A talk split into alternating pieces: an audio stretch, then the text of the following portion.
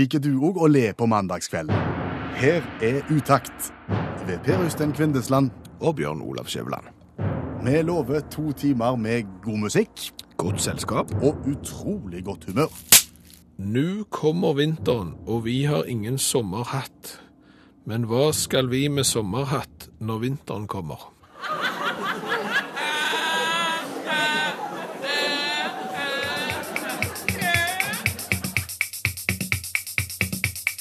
Det er en glede å være i gang med programmet nok en mandagskveld. Utakt i NRK P1, og det var Michael Jackson som starta med Black or White. Ja, og det eneste vi tar mål av oss til her i utakt, det er å hjelpe deg med godt humør på mandagskvelden, og ingenting annet enn det.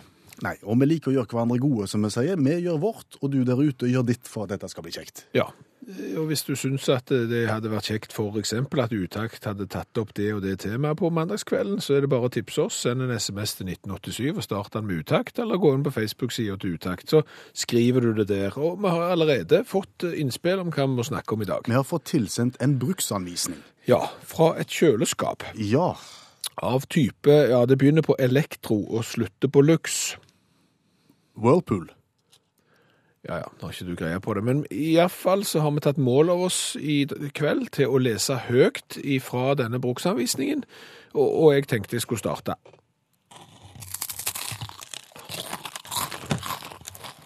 Og da starter du med mat i munnen. Nei, jeg leste, jeg leste fra øverst på første sida, Og der sto der lyden av knekkebrød. Dette ble vrient. Ja. Nå skal vi forklare. Ta det fra starten. Dette kjøleskapet har en tosiders bruksanvisning som forteller noen lyder som kommer fra kjøleskapet som er helt normale. Som du ikke skal bry deg om. Ja, fordi at et kjøleskap vil, ifølge bruksanvisningen, og det vet vi jo vi som har eid kjøleskap òg, at de er ikke lydløse. Nei. Og dermed så har produsenten ved hjelp av syv bilder fortalt hva for noen lyder som er helt normale, og lyden av knekkebrød for eksempel, Hong, er helt normale. Ja, altså, Er det bilde av et knekkebrød som knekker, da? Ja, det er bilder av et knekkebrød som knekker, og så står det krakk, og så står det overført, og så står det bilde av kjøleskapet, og så sier det òg krakk, og det er helt, helt naturlig. OK. Er det andre lyder en ikke skal være redd for? Du skal for eksempel eh, ikke være eh, redd for malende katt. Ikke redd for malende katt i det hele tatt? Nei. OK. Ja. For hvis kjøleskapet lager malende kattlyd, så betyr det bare at Nei, Da eh, betyr det bare at eh, motoren, kompressoren, eh, er det bilde av. At den sviver, den lager. Så har de lagd et bilde av en malende katt og, og bilde av en kompressor, og så lager den samme lyden. Det er veldig fiffig. mm, forklarende. Ja, og, og det er jo nettopp det. fordi at med å bruke disse bildene her, Ja. Så, så setter de lyder vi kjenner til i forbindelse med kjøleskapet, og så får vi på en måte Å ja, sånn ja, skal det være. Og, og det er klart at når eh, kjøleskapet da begynner å, å lage lyd av eh, Ja. Tømming av drikke. Tømming av drikke fra flasker, den såkalte blubb, blubb, blubb-lyden som det står her, så, kan det være at eh, det er væske som går i eh, kjøleanlegget, i disse rillene på baksida, og det kan lage en sånn en blubb, blubb, blubb-lyd. Fortsatt ufarlig. Det er òg helt, helt ufarlig, ja. Er det andre ufarlige lyder? Eh, For eksempel mygg. Og myggen, hvis den skulle komme Er bilde av mygg? Ja, det er bilde av mygg, og hvis, eh, hvis det kommer mygglyd hvis det kommer mygglyd av kjøleskapet, eh, så kan det bare være at kjølevifta inni eh, går litt fort. Akkurat. Så, så det er helt naturlig. Så bak oss i denne bruksanvisningen så er det altså to hele sider med bilder av ting og tang, og lyder som er helt ufarlige. Ja, knekkebrød, mygg, katt og helling av eh, væske fra flaske, eksempel. Men Er vi ferdige da? nei, vi er jo ikke det. For, for vi syns jo all honnør til produsenten her, Elektros og Slutte på Lux, eh, som har valgt denne tilnærmingen og forteller oss hva for noen lyder som skal komme fra kjøleskapet. Men vi syns jo det er vel så interessant hva for noen lyder som absolutt ikke må komme fra kjøleskapet, for da må du på verksted. Altså, kommer den, så er det vel et signal om at noe ikke er bra. Ja, det er klart at Hvis du åpner døra til kjøleskapet for å sette inn en liter med juice, og du begynner å høre lyd av motorsag Så det kunne f.eks. produsenten sagt. Kommer det lyd av motorsag fra kjøleskapet ditt, så ring til servicesenteret. Og hvis du da også skal inn i f.eks. frysedelen og forsøke å åpne døra der, og du får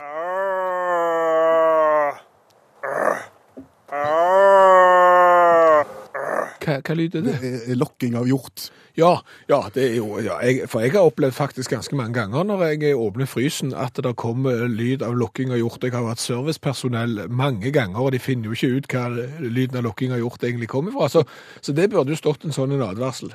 Lokk Ja, og hest. Ja. Altså, hvis kjøleskapet ditt begynner. ja, altså mitt kjøleskap kommer jo oftest med lyden av hest når jeg tar ut egg. Ja. Og skal det brese litt bacon og egg, da er det stort sett at mitt lager hestelyder. Men, men og, ja. Vær oppmerksom på den. Begynner vi nok nå?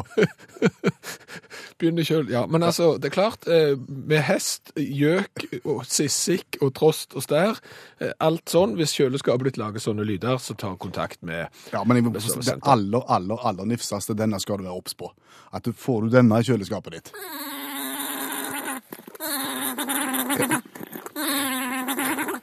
hva, Må jeg få lov å spørre hva lyd dette er? Det er lyden av uh, amorøs alpakka. Er det alpakka som har seg?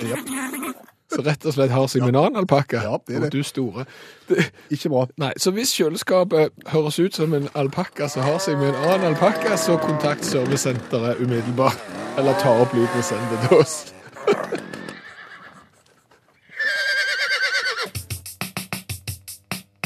Ja, og vi skal snakke litt eh, lektyre. Vi skal snakke litteratur. Sommerlektyre. Ja, ja, er det nå det? Vet ikke. Nei, det er det jeg ikke vet, sa du, for jeg har gjort en, ah, en oppdagelse som, som jeg lurer på hvor jeg eh, står etter at jeg har gjort den oppdagelsen. For jeg har vært relativt trofast når det gjelder litteratur. Trofast mot sjanger, eller? Ja, det vil jeg si. Altså, Kan, kan jeg gjette hvor du har vært? Ja, det kan du prøve på. Ja, Noen har drept noen. Ja. Noen skal finne ut hvem som har drept. Ja. Eh, gjerne en forfylla eh, mann skal finne ut hvem som har drept, Ja. og finne det ut til slutt. Ja, Du liker best deg. ja. Mest krim, det, det må, må være lov å si. Og så har jeg eh, liggende bare litt Kielland og, og, og Lie og Ibsen og den slags på, på nattbordet, i tilfelle Dagens Næringsliv ringer og spør hva jeg har på nattbordet, så kan jeg si det, for jeg har jo bare krim. De kommer aldri til å ringe heller. Nei, de gjør jo ikke det. Eh, Men, men iallfall. Og i sommer Ja. så- så hadde jeg med meg en bunke med krim, og så leste jeg det ut. Fort. Ja. Og dermed så var jeg tom for bøker.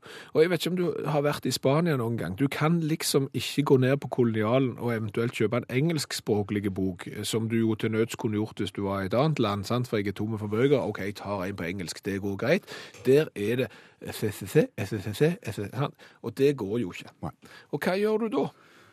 Nei, Da må du gå til noen andre da, og kanskje få lånt inn noen Det er bøker. det du må. Eh, Så jeg måtte jo gå til, til kona, og så måtte jeg da eh, låne ei bok av hun som hun var ferdig med. Så jeg leste den.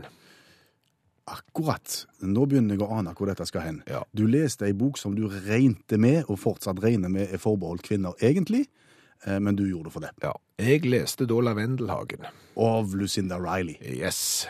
Der er det da eh, forbudt eh, kjærlighet, der er svik, der er lidenskap, og, og ja, i det hele tatt. Og den boka syns du var Kjempegod.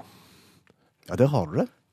Jeg kunne ikke legge den fra meg. Jeg Og nytt kapittel, og nytt kapittel, og i det hele tatt. Og- det, Så med tårer, Skjæveland. Ja, altså, det, det, og det henger ikke på greip, altså. For det, altså, nå plutselig så Jeg skal jo ikke si at ikke krim er underholdningslitteratur, men, men dette her er jo på en måte underholdningslitteratur i den andre enden. Og jeg må si jeg ble grepen. Jeg ser dette. Hva sa kona? Nei, hun hadde jo lest krimbøkene mine, og hun hadde jo ikke på en måte samme entusiasmen for krimbøkene mine som jeg hadde for Lavendelhagen hennes.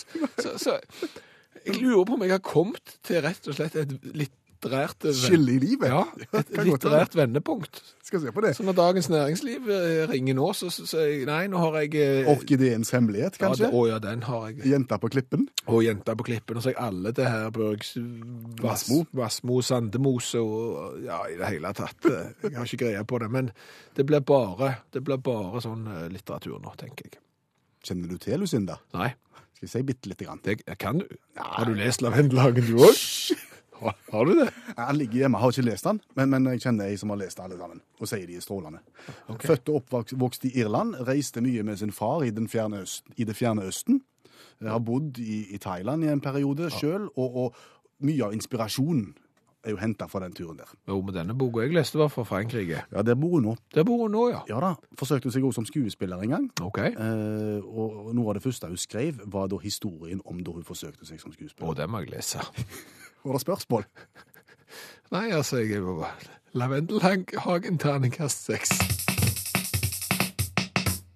Det er lov å spille apropos-musikk når vi finner Lavender etter å ha snakket om Lavendelhagen, er det ikke? Ja, og jeg har fått eh, støtte av eh, bibliotekaren her. Hun mener at det er helt lov å prøve seg på noe nytt, legge krimlitteraturen til siden og, og gå løs på ja, det som kanskje er litt feminin litteratur, Lavendelhagen. Lidenskap og svik er bra, det, sier bibliotekaren. Og antageligvis en av de mest leste bøkene i verden de siste årene. Ja. Så til vår nye faste spalte.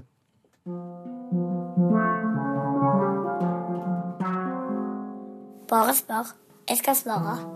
Hilsen Vebjørn, syv år.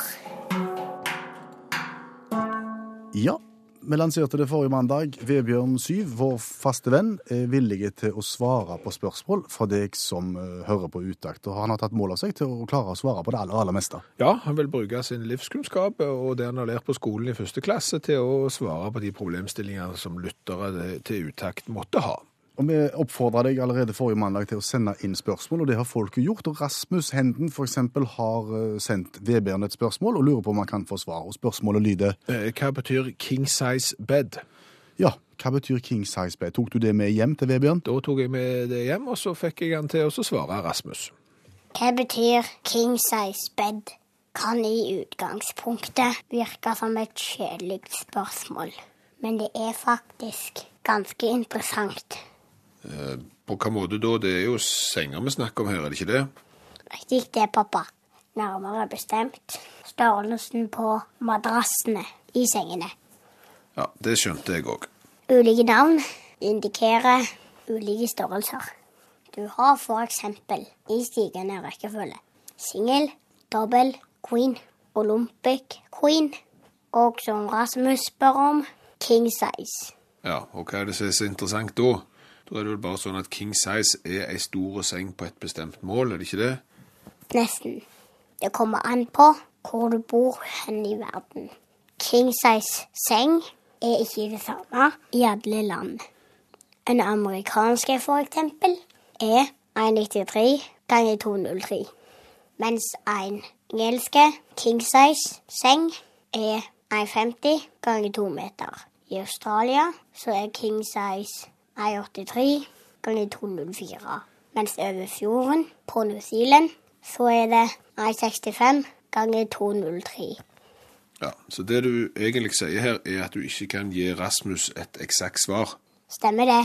Men jeg kan si såpass at skal du bestille hotell i utlandet, så kan det være lurt å ha et avklart forhold til landets madrassmål. King size er ikke alltid king size.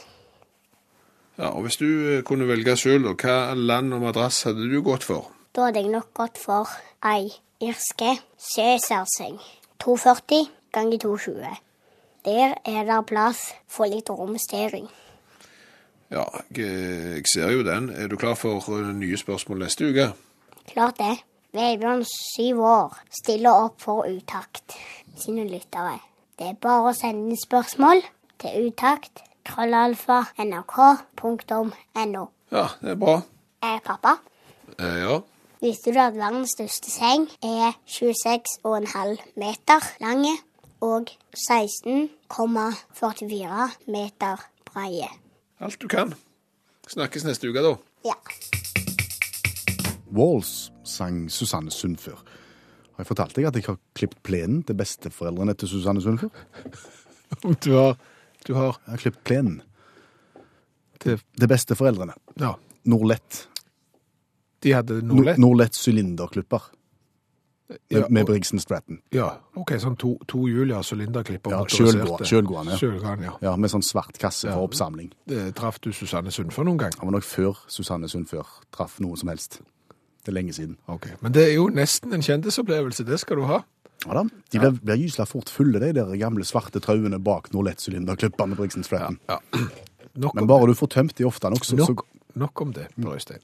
Eh, tidligere i programmet så har vi snakka bitte litt om det å skifte litteratursjanger. Vi måtte vel konstatere at det gjorde en brå overgang i sommer fra å være evig krimentusiast til nå å lese bøker som heter Lavendelhagen, for Ja, du gikk fra Kvinnen i buret til Lavendelhagen, Ja, f.eks. Ja, bokstavelig talt. Og, og, og her har vi fått en, en SMS, fordi at for riktig, riktig lenge siden så ble vedkommende som sendt inn dette denne SMS-en, og som er kvinne, riktig lei av denne nedrakkinga av Herborg Vassmo sine bøker. Det var i den perioden når bøkene hadde sånn tittel sånn 'Huset med den blinde glassverandaen' og sånn. Eh, Så eh, vedkommende inngikk da en avtale om at bokkritikeren, og vi tenker vel partner her, mannlig partner, skulle lese én av bøkene til Herborg Vassmo, mens eh, vedkommende som har sendt inn her, skulle lese én av hans elskede Morgan Kane-bøker. Hvordan gikk det? Det gikk såpass godt at eh, bokkritikeren, skråstrek mannen, leste alle tre bøkene i den der trilogien av eh, Herborg Vassmo. Og syntes det var alle tiders? Ja, eh, Ulempen var jo at eh, hun som fikk Morgan Kane i fanget, der er det vel noe sånt som 70 bøker. Og vedkommende er ikke en av de som er anlagt sånn at når du først begynner på noe, så gir du deg. Så vedkommende holder på ennå. Ja, vel gjerne. Jeg vet ikke hvor langt du kommer. Jeg. Det tar vel en Morgan Kane i og så, så eh, ja, et drøyt år så er det gjort. Stjerneforma arv over Jeg kan ikke Morgan Kane, jeg har aldri, aldri lest det. jeg. Jeg lurer på om det er venstre tinning, Er det det? eller eventuelt høyre. Jeg vet at mange er på Facebook, enten de hører program, eller er på jobb, eller har fri, eller uh, hva tid som helst. De er på Facebook, og, og gjerne har de da sett mennesker som tømmer isvann over seg sjøl. Ja. Er du på Facebook og har sett eh, folk tømme isvann over seg, så kan du òg benytte anledningen til å sjekke ut Utakt på Facebook. Det er fint. Men dette isvannfenomenet det er jo en måte å få penger til forskning på en sykdom som heter ALS. Ja, dette fenomenet begynte vel egentlig for, for lengre tid tilbake siden. Altså, da, da hoppet folk i kaldt vann i, i sjøen til inntekt for et godt formål, og så Ja. var det sånn så utfordra de til hverandre, og så sa de at hvis ikke du og du og du gjør det, så må du donere penger til den og den saken.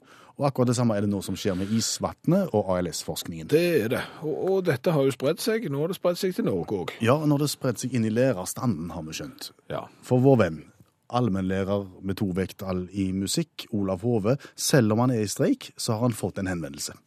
Han har fått en henvendelse fra noen han kjenner. Hva er det som har skjedd, Olav? Jeg ble utfordra av en kompis i, eh, som bor i tropisk klima, som eh, utfordra meg da og tømte ei bøtte over hodet sitt der han står utenfor huset sitt i 35 varmegrader, og klagde voldsomt over for en prestasjon dette var. Så det blir litt feil når jeg skal ut på Tasta i 12 grader og kuling og, og gjøre det samme. da. Så jeg står over. Gi heller 10 pund eller dollar eller euro eller hva det er til denne forskningen. da. Greit. Ja. Men, men det fikk deg til å tenke på om det var andre måter å sette fokus på sånne saker, og, og du har funnet ut litt. Ja visst, ja visst. Um, det finnes masse spennende. Og, og de, har jo alt, de har sikkert sett på sånne innsamlinger på TV.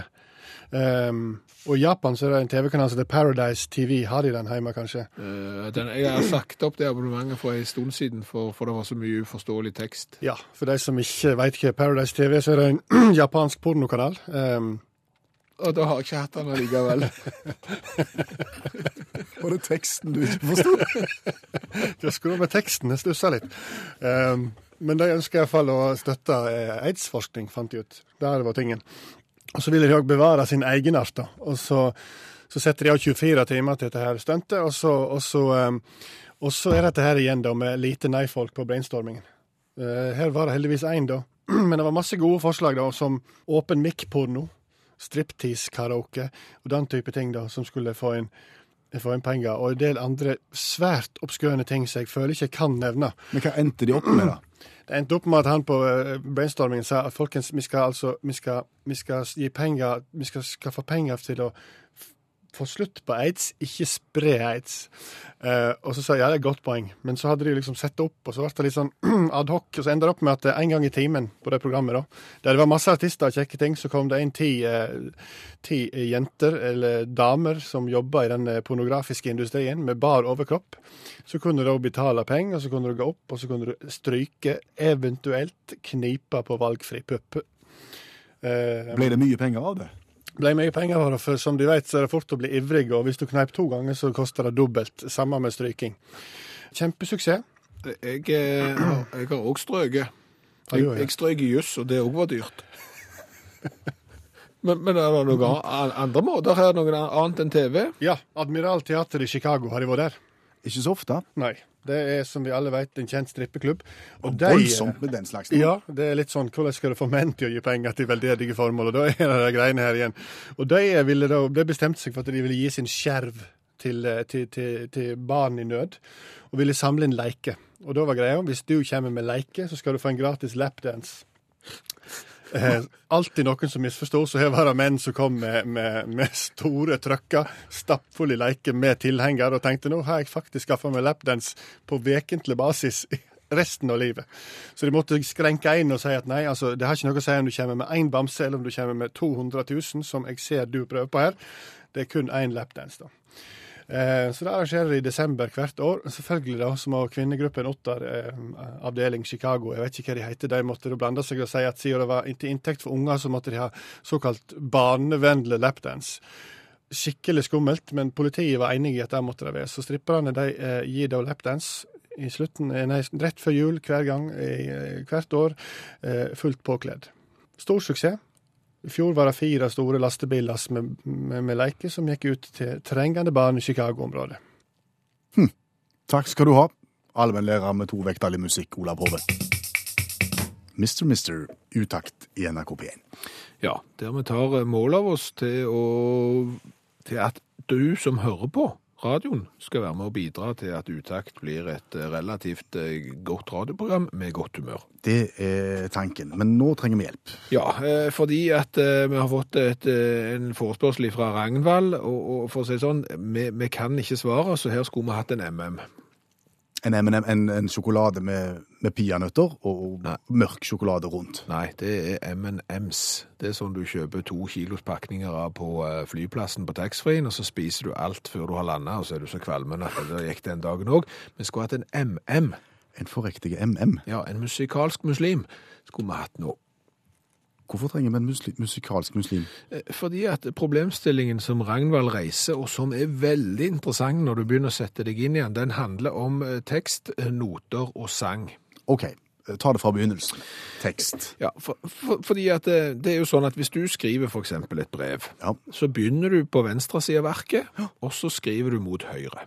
ja, Og så leser jeg det den veien når jeg har skrevet det. Ja, det, det gjør du. Hvis du for eksempel hadde skrevet arabisk, så hadde du begynt på høyre side, og så hadde du skrevet mot venstre. Og så hadde jeg lest den veien òg. Ja, det hadde du gjort. Hvis du eksempel synger Ja, vi elsker etter noter, så begynner du med notene på venstre side, og så leser du notene bortover mot høyre. Og så synger jeg den samme sangen med teksten fra venstre mot høyre. Ja. Hva gjør du hvis teksten er skrevet på arabisk, der teksten går fra høyre mot venstre, men notene da ettertrykkelig går fra venstre til høyre? Du sliter big time. Ja. Det ble ikke fint. Nei, og, og, og dette lurer Ragnvald på, og når han lurte på det, så må vi jo si at vi lurte på det vi òg, for hvordan i all verden gjør du det? Jeg, Ja, har, du, har du sjekka om notene går fra venstre mot Ja, høyre, altså- eller fra høyre mot venstre? Jeg, jeg, jeg søkte da på internett, for Ja. eksempel sånn Arabic notations og, og diverse stikkord, og så bilder av det. Og, det er, etter det jeg har grunn til å tro, mm. så ser det jo ut som at eh, når du, hvis du spiller i arabisk symfoniorkester, så spiller du fra venstre mot høyre. Som du gjør i et norsk Ja, symfoniorkester. ja, etter det jeg har grunn til å tro, altså. Men, eh, og det er klart at hvis du da eksempel skal synge i tillegg, Ja. Altså Hvis det kommer et kor oppå dette, det er jo ikke unaturlig at, at de sauser til noe Wagner-opera med noe voldsomt med kor og noe greier, hva vet jeg. Så burde jo da teksten kommet fra høyre mot venstre. Og, og igjen Nei, fra venstre mot høyre, mener du? Ja, hvis det var riktig, ja. Ja, Men nei, hvis sam, de- det burde gått samtidig. Ja, Det samme må jo gå sammen med musikken, men hvis du da sier at han er skrevet på arabisk, så skal han jo strengt tatt gå fra høyre på venstre på kryss av musikken, og da må det jo bare bli rot. Så, så jeg vet ikke hvor sterkt symfoniorkester med kor står, i, i, i, ja, der. I Orienten. I Orienten. Men, men, men det er klart at hvis, hvis dette er problemet, så er det klart at da står det ikke sterkt. Dette har vi ikke greie på selv, Så hvis det er en MM, som kan hjelpe til. ja, altså en det den- musikalsk muslim som virkelig vet dette, for dette lurer vi på, så send en SMS til 1987 og start den med lokalen, med utakt. ja, og, og skriv fra venstre mot høyre. Kanskje det kan hjelpe med litt gladjodling mot tøffe tider. Føltes sånn? Ja, for det er lyden som indikerer at eh, snart er det konkurransetid i utakt. En eh, spørrekonkurranse der du får premie enten du har svart feil på alt eller rett på alt. Og Utgangspunktet er en sennepsgul bok som ber bærer tittelen 'Barnas store spørrebok 1975'. Ja, og, det er Peter Nødt eh, som har lagd den, og det er jo et fiffig lite pseudonym sikkert når du lager spørrebok. Da er du jo nødt til å kalle deg for eh, Peter Nødt. Dette er nummer 19 i rekka, det vil si at det er 18 andre, så kanskje vi skal prøve å få tak i noen, men forklar hvordan det virker. Nei, Det er så enkelt som at du melder deg på, og så plukker vi ut eh, en av dere som melder dere på. Og så er vi i gang rett, rett over 11, og da velger du ei side i boka, og så velger du et nummer på spørsmål, og så får du det spørsmålet, og det gjør vi tre ganger. Ja, og uansett hvordan det går, så får du premie. Så det eneste du trenger å gjøre, det er å svare på åpningsspørsmålet for å delta i konkurransen. Da svarer du på spørsmålet 'Hva heter du?' og 'Hvor bor du?' Hvis du klarer å svare rett på det, så sender du den svaret ditt til 1987, starter meldingen med utakt. Eh, Hva heter du, og hvor bor du hen? Og så er du med i trekningen om å få være med. Det er utaktskonkurranse der alle er vinnere. Ja, uansett hvor galt du svarer, så får du premie, så det er veldig greit. Det er akkurat som barnefotball, sånn, eh, så sånn sett så er dette kjekt. Eh, Men vi har toppa laget, det har vi gjort. Med Jonny fra Røros. God kveld, Jonny Gullerød. Ja, god kveld. Har frosten kommet til Røros? Ikke ennå, men det nærmer seg. Sier du det, er det rett og slett rundt null? Ja, det- det en eh, 14 dager til, så skal vi ikke forundre meg om vi ser minusgrader oppå der igjen. Da er vi der, altså. OK. Ja, ja. Vi får gå videre med konkurransen i hvert fall, for det er noe vi kan gjøre noe med. Været kan vi gjøre svært eh, lite med. Og det er bare sånn. Eh, Jonny velger ei side i spørreboka vår, eh, og så velger han et vilkårlig nummer på et eh, spørsmål. Svarer han rett, så får han litt gladjodling. Svarer han feil, så får han litt tristjodling. Men uansett så får han T-skjorta med V-hals. Det er det viktigste. Så kan du gå og brese deg eh, på Røros og vise deg fram. Eh, Skal vi ta et sidetall først, Jonny? Ja, Ja, det er 66 sider i boka, så mer enn det, stort sett mer enn det er det ikke vits i å ta. Hva vil du ha? jeg tar nummer 50, ja da. 50 kan være spennende, skal vi se. 50, da er vi på om himmel og jord. OK. eh, Spørsmål nummer 1 til 13. Da tar vi 13. Nå tar du 13, ja. Hvordan blir en regnbue til? Oi. Ja, du trenger ikke komme med den lange utlegningen, men en sånn en eh, folkelig. folkelig variant skulle holde her. Nei, Jeg vil nå tro at det kommer ut ifra en sånn, sånn form for blanding av regn og sol, ja da, men Ja, det er veldig bra, veldig bra. Og hva skjer da? Nei, det er noen form for noen fordampning, vil jeg tro.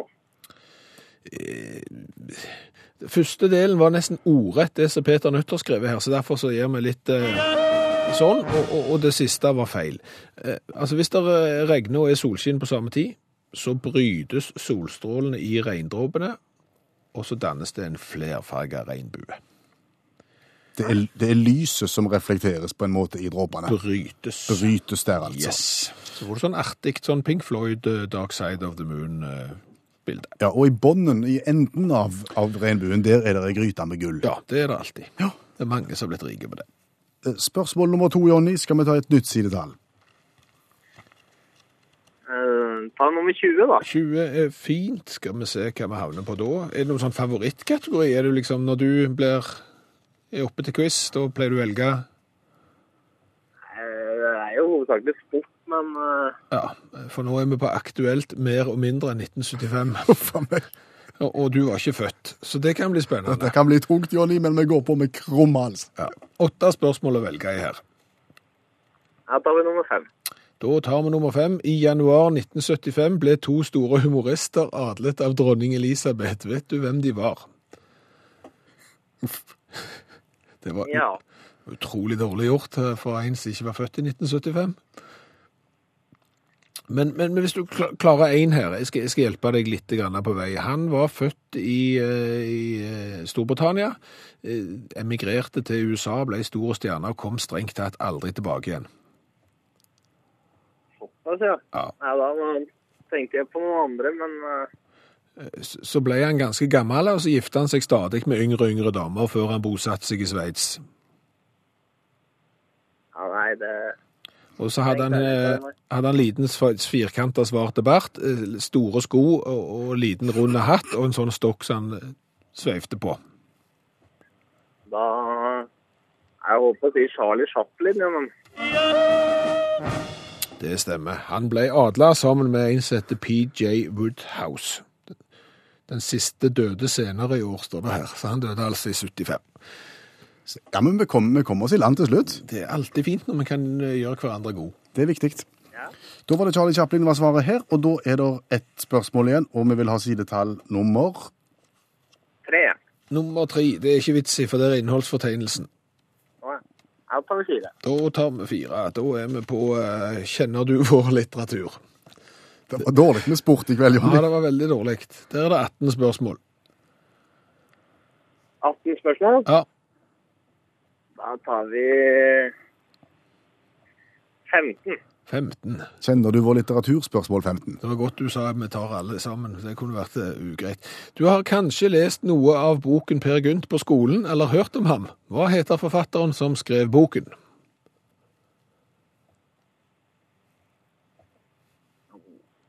Jeg er helt stille nå, ja. Per Gynt. Ikke lyv. Per, du lyver. Vi snakker vel Jeg har jo vært oppi der, jo, vet du. Ja, du har det. Og vi snakker om en av de aller, aller største innenfor norsk litteratur. Ja, eh, han har eh, vunnet Han har ikke vunnet Nobelprisen, det var han andre som vant eh, den, men han er kanskje mest berømt for ripsbuskene sine. Og de andre buskvekstene. Det, Ja. ja, du kommer til å synes, du kommer til å synes det er dumt når vi sier det, for dette visste du, men så er du på radio, og så er det litt nifst. Da ble det For, det, for det var nok Henrik Ibsen. Ja, Henrik Ibsen har skrevet Per Gynt. Ja. Men OK. Det gjør ingenting, det. Nei. Det var en T-skjorta på Jonny på Røros. Ja. Bedre enn Det skal jeg gå rundt med, ja. Ja, gjør det. Og, og det blir enda tøffere hvis du går med bare T-skjorte når det blir alvorlig kaldt på Røros. Det, det er tøft. Nei, jeg er vel heller kjent med at jeg er den som går i T-skjorte og shorts, da. Kari Bremnes på Københavnerkneipet. Hvor lenge serverer de frokost der? På Københavnerkneipet. Ja, Der tror jeg du kan få det meste hele dagen. du tror, du tror det, altså. Ja, hvorfor spør du om det? Eh, Fordi jeg tenkte vi kunne ta en eh, liten meningsmåling innad her i studio. Eh, Det er hvor lenge bør du servere frokost på hotell? Ja, Skal vi nå differensiere mandag, tirsdag, onsdag, torsdag, fredag, lørdag, søndag? Absolutt så skal vi det. For bakgrunnen for dette er at jeg lå på hotell fra lørdag til søndag. Yep. De serverer jo selvfølgelig frokost. Egg og bacon må du ha. Den frokosten stengte klokka halv elleve. Det syns jeg er helt rett og rimelig, for har du ikke klart å meke deg opp før Nei. halv elleve på en søndag, Nei. så tenker jeg da får det bare være. Nei, kan, jeg- Du kan ikke forvente at de skal gå rundt og vente og vente og vente på sånne som deg. Altså, skal jeg fortelle hva som skjer når det er sånn som det er der? Det kan du godt. Eh, Mesteparten av de som bor på hotell fra lørdag til søndag, eh, har lyst å sove frampå. Det er på en måte søndagens natur. Med mindre du skal opp på et eller annet idrettsstevne om å stå opp klokka syv fordi at du skal være på banen klokka åtte, og de er i fåtall. Og de bor ikke på sånne hotell. Nei, sant. Så har du lyst å sove frampå på en søndag. Det som da skjer, er at oi, det er jo frokost bare fram til halv elleve. Da vil du drøye den så lenge som overhodet mulig. Det ligger i den menneskelige natur. Ja, da sover du gjerne fram til ti, så forter du deg og kler deg, og så er du nede i frokostsalen ca. syv, åtte, ni, ti minutter over ti, og så rekker du frokosten akkurat. Hva er det da som skjer? Problemet med det, ser du Per Øystein, det er at alle tenker likt. Hele hotellet tenker likt. Det er stappfullt når klokka er rett før vi er ferdige med frokostserveringen. Så da blir det kamp om bekenet. Om det er kamp om bacon, ja. Det er kamp om speilegg òg. Og der kommer hun med serverende med speilegg, med et helt brett med speilegg, og vips, så er det vekke. Så får du ikke speilegg. Og det samme med bacon. Og juice, og det er kø overalt. Fordi at alle skal drøye det så lenge som mulig. Og der bør jo bare hotellet kjenne sin besøkelsestid. Ja, men det kunne ikke vært en idé å f.eks. stått opp uh, grytidlig da, og så fått i seg mat i, i ro og fred, og så heller gått opp igjen og lagt seg. Jo, det er jo faktisk nesten det du må tenke. Du må sette på eh, vekkerklokka sånn at du rekker første slåtten, for å si det sånn. Ja. Eh, Du må ta frokosten med en gang han kommer, for da er du mutters alene, og så bare spiser du, så går du og legger deg, og så ligger du fram til fem på tolv, for du må jo være ute klokka tolv. Så det er jo det alternativet. Med mindre det nå er noen hotelleiere der ute som syns at utakt har et alle tiders godt poeng, og sier at vet du hva, vi åpner vinduet for lengre frokostservering. Look to Kvinesdal, vil jeg si. Kvinesdal har Ja, de. Kvinesdal. Husker du Utsikten eh, konferansehotell i Kvinesdal? Ja, ja, ja, ja, ja. Der kjenner de sin besøkelsestid. Der vet de når de skal servere egg og bacon. Tekstreklame der, altså, men opplevelsen er ganske spesiell. Ja, fordi at eh, Når en er der på seminar. Ja, og, og, og hva er seminar? Seminar er jo en dags venting eh, mot at seminaret skal være slutt. Og så tar seminaret slutt, og så blir det en, en, en, en livlig kveld med dans og leik og spill. Ja, svingom og, og den slags. Og det er klart at når da klokka blir to, så er det du skal kjenne din besøkelsestid. Og det gjorde jeg akkurat ved denne anledningen, fordi at da tok de frem steikepanne og egg og bacon, og begynte å brase bacon når klokka var to. Nattmat der, altså. Omtrent i tilknytning til, til dansegulvet. Ja. Så du, mens du var ute på og, og brukte dine siste krefter til the final countdown, Ja. så kjente du lukta av egg og bacon. Ja, og, og det som jo er genialt, er jo at alle har jo lyst- lyst på egg og bacon når klokka er to, og ingen reagerer når egg og bacon koster 500 kroner. Nei, det gjorde ikke det, men det var dyrt. Det var, ja. Så det er en utrolig betalingsvillighet på den tida av døgnet. Ja. Og, det er klart at da har du egentlig hatt frokost klokka to på natta, så da, kan du, da er det jo brunsj. Ja. Sant? Så da kan du bare sove frampå, så kan du ta den. Nei, det er bare å anbefale. Få eh, frokost hele døgnet.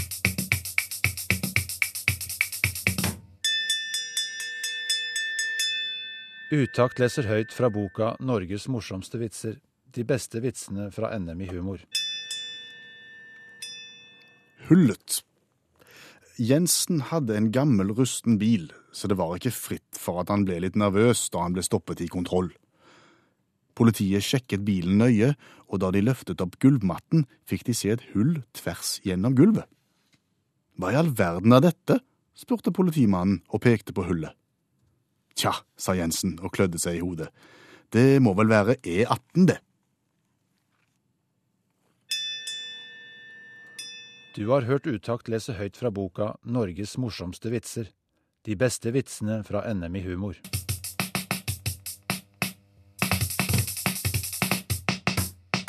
Og vi skal høre at lange øyenbryn kan være et våpen i kampen mot polio, men vi kan ikke begynne helt der. Vi kan ikke begynne helt der, fordi at eh, akkurat nå så har du gjerne fått med deg at det er jo ikke en eneste kjendis i The United States of the USA som ikke driver og hiver ei bøtte med vann med isbiter i over hodet for å samle inn penger til ALS-forskning. Det snakket vi litt om, og det viste seg jo da at folk hadde tenkt kreativt, eh, fant vi ut. De hadde jo blant annet drevet med pornografi for å samle inn penger, og, stripping for å samle inn leketøy til barn. Det er, ymse metoder, og det er jo vår venn allmennlæreren med to vekttall i musikk, Olav Hove, som har satt seg litt inn i dette her. Og nå kommer vi til de lange øyenbrynene mot polio, Olav. De vet jo at noen syns at eh, lange øyevipper det er et tegn på skjønnhet. Eh, for, for Si Burger, som kommer fra Alabama i USA, så hadde ikke han lange øyevipper, men han hadde kjempelange øyebryn.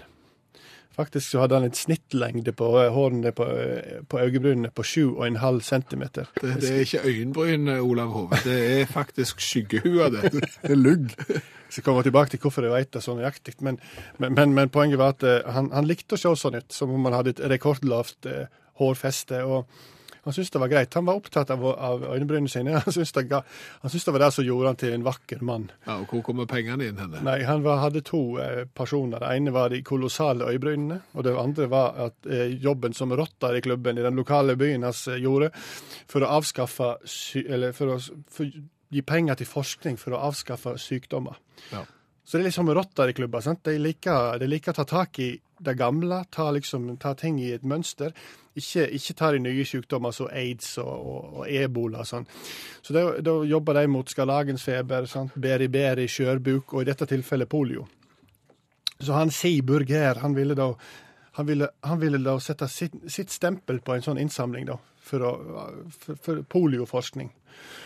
Så han visste ikke helt hvordan han skulle gjøre det. Så var det en som foreslo i klubben hva om du, eh, hva om du tar øyebrynene dine og så får betale folk for å ta dem. Så lo han av det og sa at han kunne liksom ikke ta vekk det som, jo, det som han på en måte drog dame på og slike ting. Og visste at kona kom til å bli sur og en eller andre. Men, men, eh, men så tenkte han hvis han nå gjør dette, her, så viser det hvor, virkelig hvor dedikert han er. Hvis han tar vekk det her fantastiske hårpryden han har over øynene, så viser han faktisk hvor dedikert han er i forhold til bekjemping av polio. Så han, eh, han, han, han tok 100 kroner per sveip med brei barbermaskin. Og, eh, og til hans store overraskelse så var førstemann i køen, det var altså kona hans. Så hun sveipa, betalte gladelig 100 kroner. Og de måtte opp i 16 sveip for å få vekk hele pryden. 1600 kroner til polioforskning. Og han er villig til å gjøre det på nytt, har han sagt.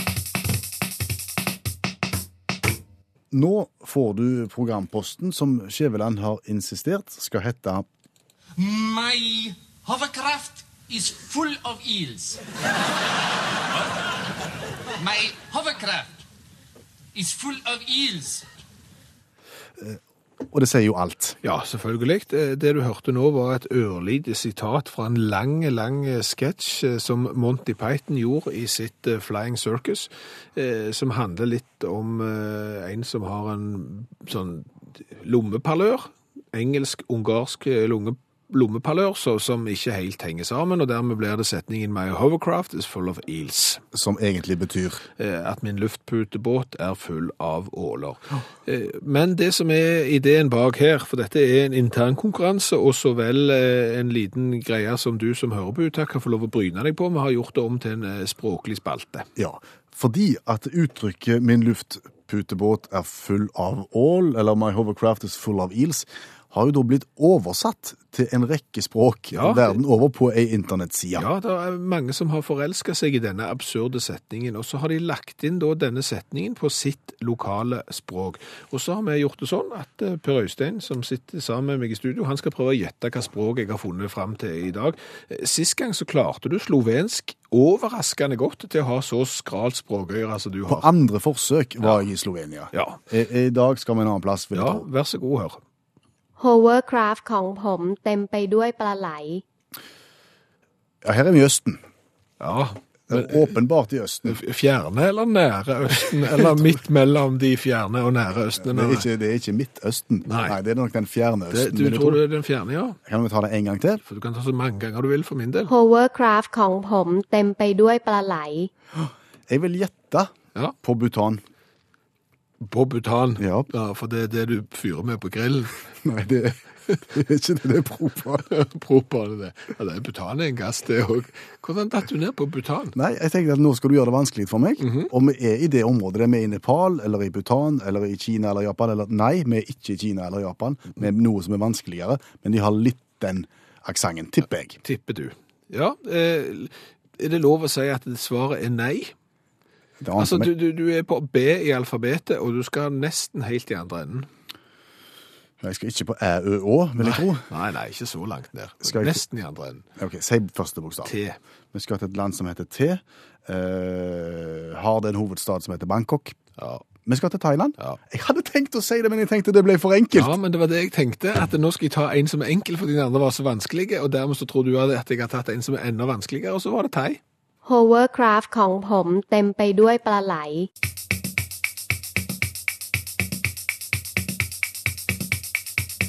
Eh, Helt vanlige ting, som for eksempel en juskartong som står på frokostbordet. Ja, nå skal vi snakke om det, fordi at alle disse jusprodusentene er så voldsomt opptatt av å fortelle hvor appelsinene deres eh, kommer fra, kan det virke som. Det tror jeg kanskje de gjør for å lokke oss til å kjøpe akkurat deres produkt. Jo, men tenk deg om det, Per Øystein. Altså, hvis du lager appelsinjuice, sant? Ja. så har du henta appelsinene fra en plass som appelsinene vokser. Helt naturlig. Ja, og det er jo hele poenget det. Ok, det er appelsiner, det er vel det samme hvor de vokser. Jeg har jo eksempel nå i det siste kjøpt mye en juice som er, kommer fra appelsiner fra Cuba. Ja vel?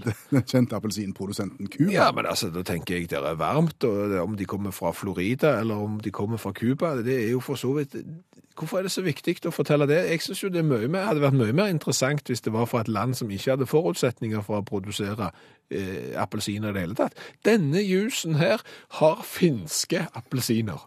Da begynner det å bli informasjon som er verdt noe. For ellers er det jo bare sånn, denne appelsinen kommer fra en plass der er så varmt og fint at det vokser appelsiner, og vi lager jus av den. Det er jo først da når det begynner å bli alvorlig gale. Det er ikke det. Altså, ok, eh, druer fra rødvinsdruer som kommer da fra Svalbard. Den har du ikke lyst til å kjøpe. Nei. Så, så jeg synes bare at det Flere sånne eksempler òg nå, kanskje? Nei, men jeg bare syns fokuset er litt grann feil. Altså, det er helt revnende, revnende likegyldig informasjon. Vi vil heller vite hvor han eventuelt kom fra hvis det var sjelden. Nå har vi skjønt det. Ja, greit det. Useless information. Per Øystein Kvindesland heter jeg. Bjørn Lars Skjæveland heter jeg. Takk for i kveld. Hør flere podkaster på nrk.no podkast.